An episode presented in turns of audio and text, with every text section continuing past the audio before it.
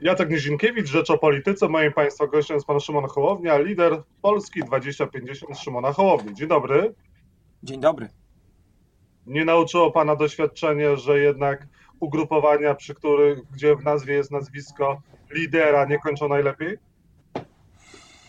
Wie pan, zobaczymy jak skończą. Czasem są takie pasy, które trzeba próbować przełamać. Myśmy od samego początku chcieli, żeby partia, bo tu mówimy o partii, tak? Stowarzyszenie nazywa się Polska 2050, nic w tej sprawie się nie zmieniło. Natomiast wniosek rejestracyjny w listopadzie e, odnośnie partii złożyliśmy na Polskę 2050 czy 2050 Szymona Hołowni, bo zrobiliśmy badania i e, wtedy ewidentnie nam wychodziło, że jeszcze nie wszyscy linkują to, co działo się w kampanii prezydenckiej 2020 roku z ruchem Polska 2050, więc na jakiś czas zdecydowaliśmy się ten wagonik przyczepić, ale proszę mi wierzyć, że jednym z piękniejszych dni w moim życiu będzie ten, kiedy ten wagonik będzie można odczepić i Polska 2050 będzie po prostu Polską 2050. Teraz traktujemy to czysto technicznie, a nie ambicjonalnie.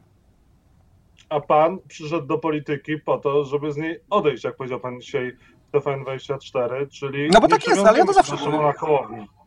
Nie, no wie pan, te więzi, które zadzierzgnęliśmy przecież nie tylko z panem e, w czasie mojej obecności w polityce na pewno przetrwają, oparte są bowiem e, o wartości nieprzemijające. Natomiast e, w, mówiąc zupełnie poważnie, ja myślę o swoim uczestnictwie w polityce jako o pracy, jako o misji, którą trzeba wykonać, jako o zadaniu, które jest do spełnienia, a nie o tym, że teraz se pójdę być politykiem.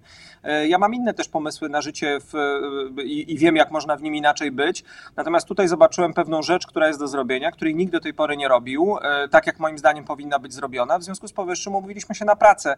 Jeżeli nas Polacy zatrudnią w wyborach parlamentarnych już na dobre, e, no to będzie jasne, że dostaliśmy kontrakt, musimy wykonać zadania, a później będziemy z tego rozliczani. Tak to powinno działać. Polityka to jest służba, a nie fenomen ontologiczny polegający na tym, że ktoś kimś jest. On ma coś zrobić, a nie kimś być.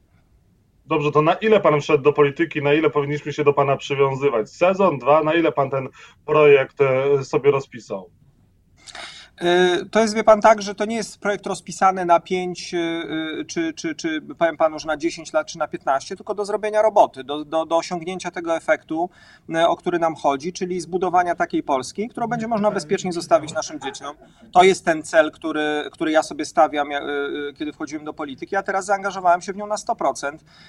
To jest, jak pan też dobrze wie, obserwując ten świat, bardzo zazdrosna relacja. Ona nie dopuszcza wielu innych rzeczy i w jeżeli w to wchodzisz, musisz wejść to po prostu na całego. Tak właśnie jest w moim przypadku.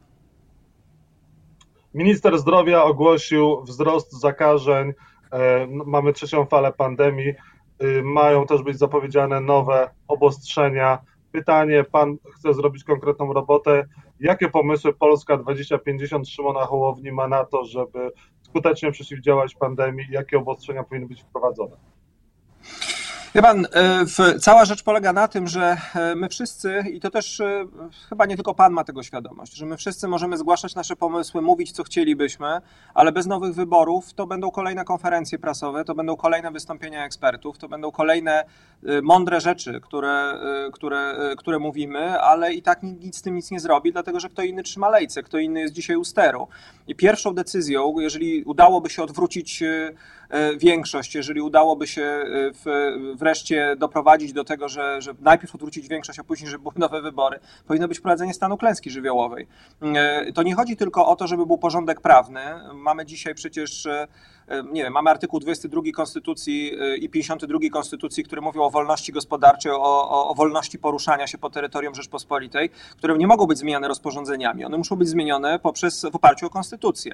Poza tym stan klęski żywiołowej, i to jest chyba najważniejsze dzisiaj, daje prostą drogę do uzyskiwania odszkodowań w sytuacji, w której państwo wymusza lockdown ze względów epidemiologicznych. Ta droga jest dużo prostsza, tu się nie trzeba sądzić, tu się idzie do wojewody, a dzisiaj bardzo wielu, e, w, nie tylko przedsiębiorstw, ale pracowników potrzebuje realnego wsparcia w tej dramatycznej sytuacji, a jak pan słusznie zauważył, ona stanie się za chwilę jeszcze bardziej dramatyczna. A więc to jest pierwsza rzecz, wprowadzenie stanu klęski żywiołowej. Poza tym uporządkowanie całej procedury związanej ze szczepieniami, nie przesuwanie już z grupy do grupy, jasne podzielenie szczepionek tych mniej wymagających do POZ-ów, tych bardziej wymagających mm, do szpitali. Mm, jak najszybsze też zatroszczenie się o jakość edukacji zdalnej, bo ona dzisiaj, e, minister Czarnek zajęty jest familiologią, w nadawaniem punktacji swoim znajomym czasu czasopismom, natomiast jesteśmy naprawdę w dramatycznej sytuacji, jeżeli chodzi o sytuację edukacyjną i to jest rzecz, w której też zgłaszaliśmy konkretne postulaty.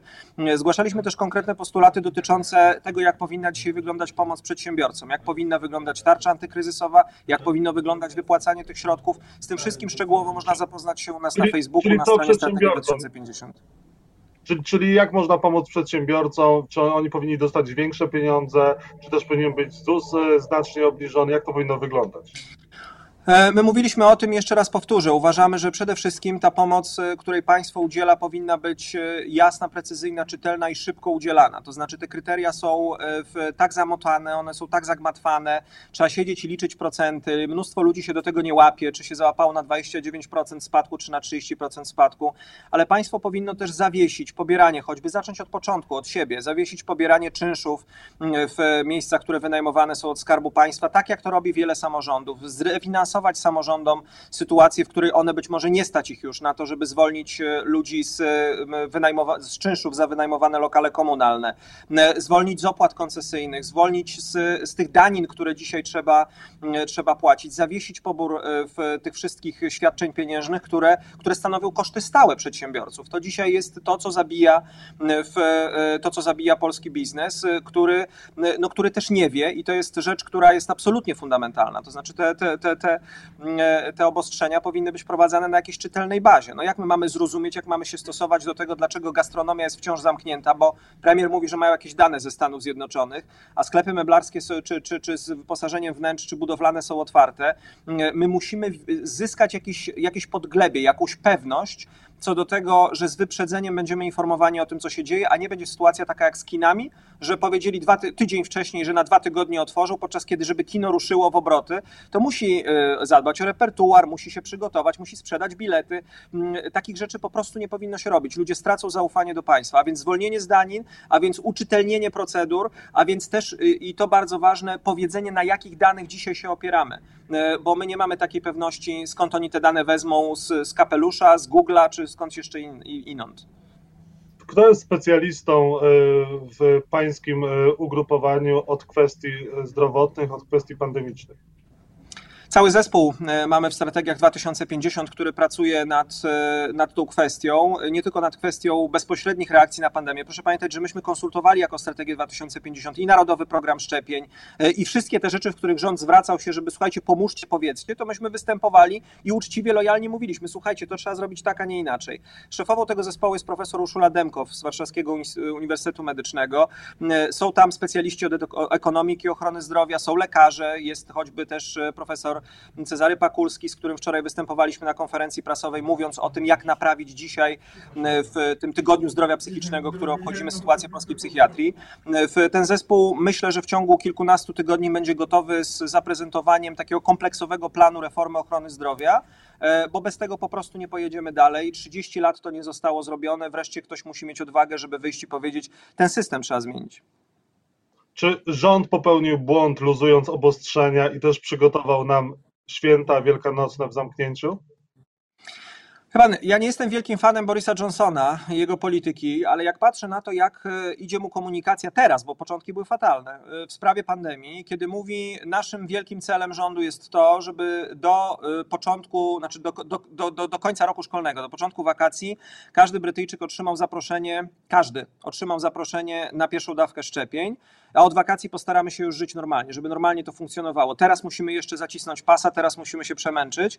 To y, y, ja chciałbym mieć jakiś taki horyzont nadziei. Natomiast żyję w jakimś y, pijanym widzie, od ściany do ściany.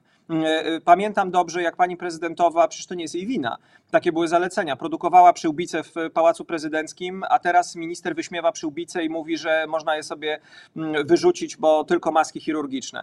Y, Wprowadzali obostrzenia, za chwilę je wycofywali. Proszę zobaczyć, co się teraz stało w poniedziałek.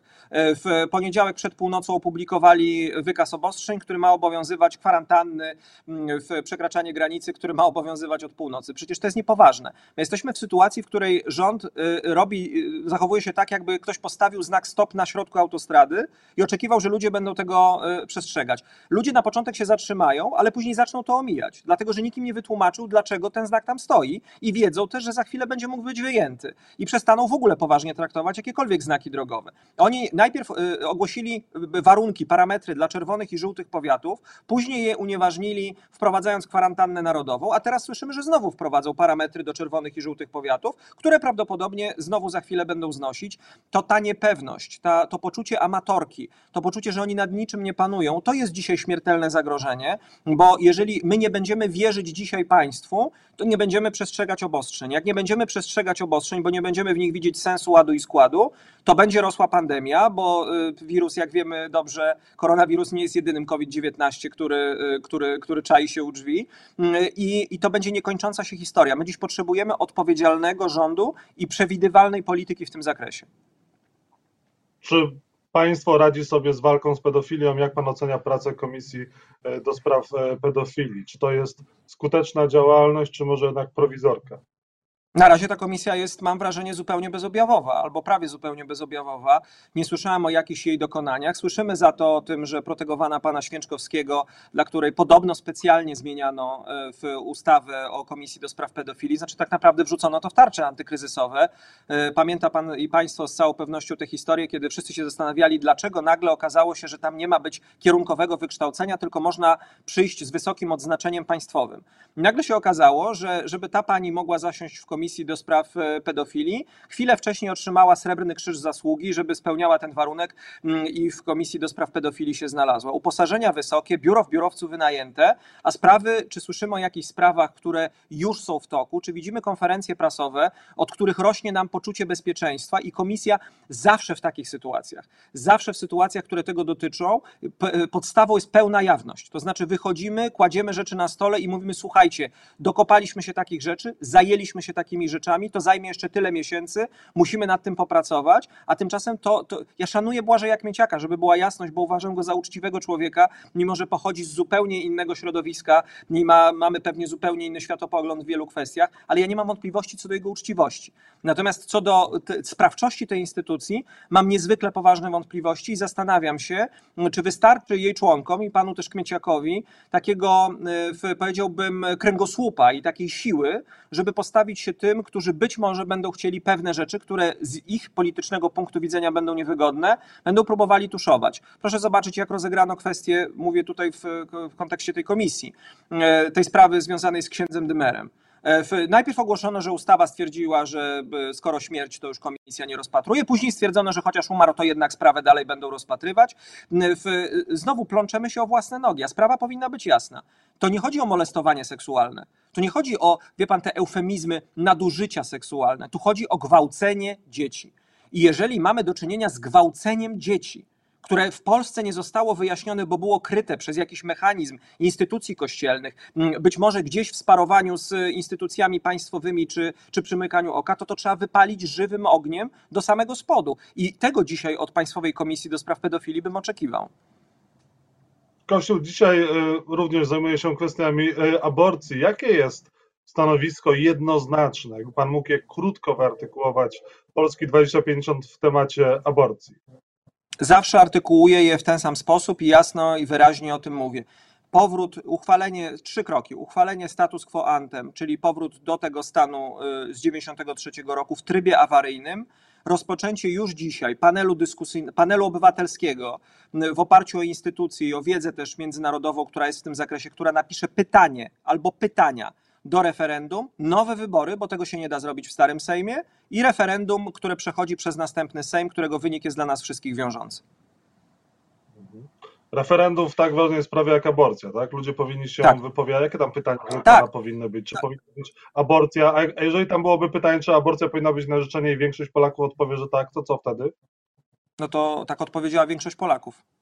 No to przecież Czyli nie można. Powinna być e, aborcja to wtedy powinna być aborcja na życzenie, jeżeli większość Polaków w referendum chciałaby jej właśnie w, taki, w takim kształcie. Ale ja, ja, nie, ja na przykład w referendum nie będę głosował za aborcją na życzenie, jeżeli takie pytanie e, padnie. Zresztą powinno być e, e, trochę inaczej sformułowane. Natomiast uważam, że wciąż będę miał wpływ. Ale część, tak.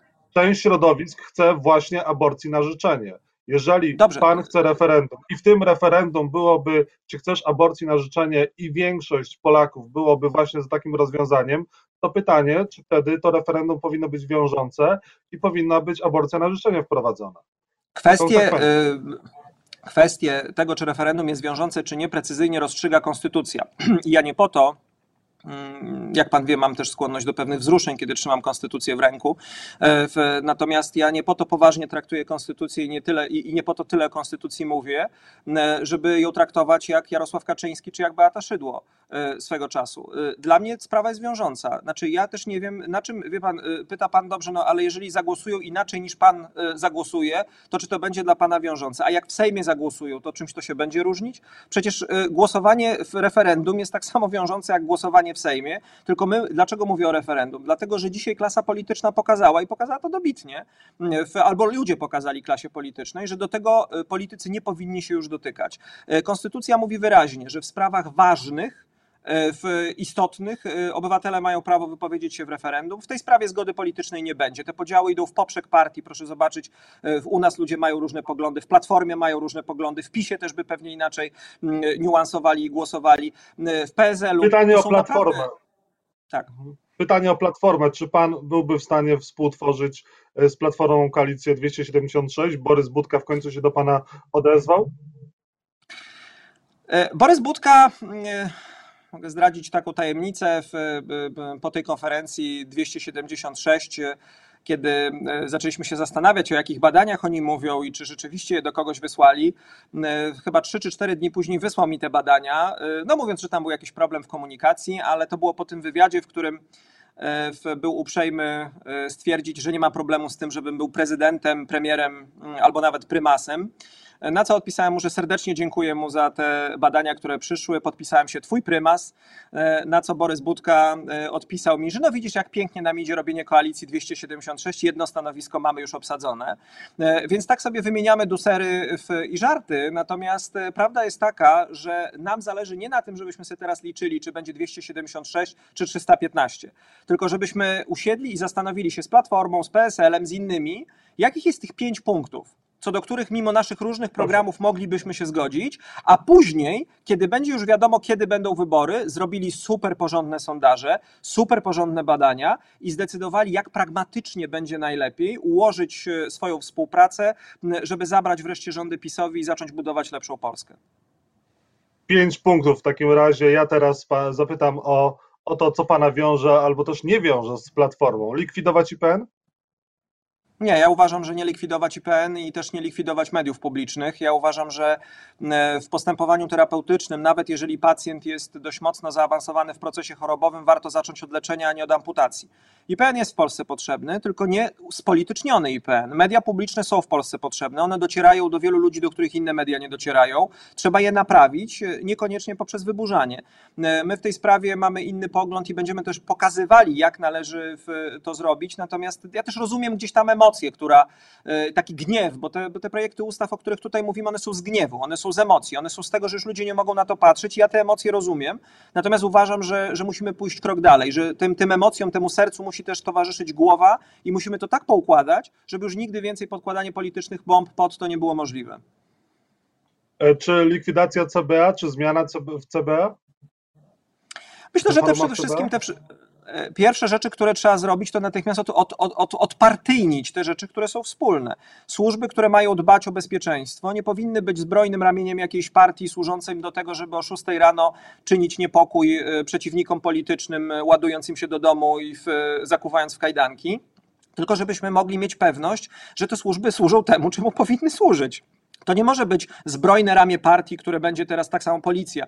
Nie może być zbrojnym ramieniem partii, które będzie pałowało tych, którzy myślą inaczej niż Jarosław Kaczyński. Jestem przekonany, że tutaj nie ma co na, na, początku y, przesadzać z takimi wielkimi hasłami, a to zlikwidujemy, a to wywalimy, tylko próbować reformować. Choć muszę powiedzieć, że y, jak wejdziemy w temat praworządności y, i przywracania praworządności w Polsce, to co do tego, że trzeba rozdzielić, nie wiem, stanowisko ministra sprawiedliwości i prokuratora, generalnego, to myślę, że nikt nie będzie miał po tej stronie wątpliwości, ale jak na przykład rozwiązać problem Trybunału Konstytucyjnego, o to już tutaj dyskusja powinna być poważna, dlatego że będziemy musieli, znaczy, żeby zmienić całkowicie Trybunał Konstytucyjny, to będzie potrzebna zmiana konstytucji, a więc taka większość, a może w docelowym modelu, i to też powinno leżeć na stole, powinniśmy się po tych doświadczeniach, które były, zdecydować na model, który obowiązuje przecież w wielu krajach, w Holandii, w niektórych państwach nadbałtyckich, czyli rozproszonej kontroli konstytucyjności, a więc bez Trybunału Konstytucyjnego te kwestie rozstrzygają, bez sądu konstytucyjnego sądy powszechne.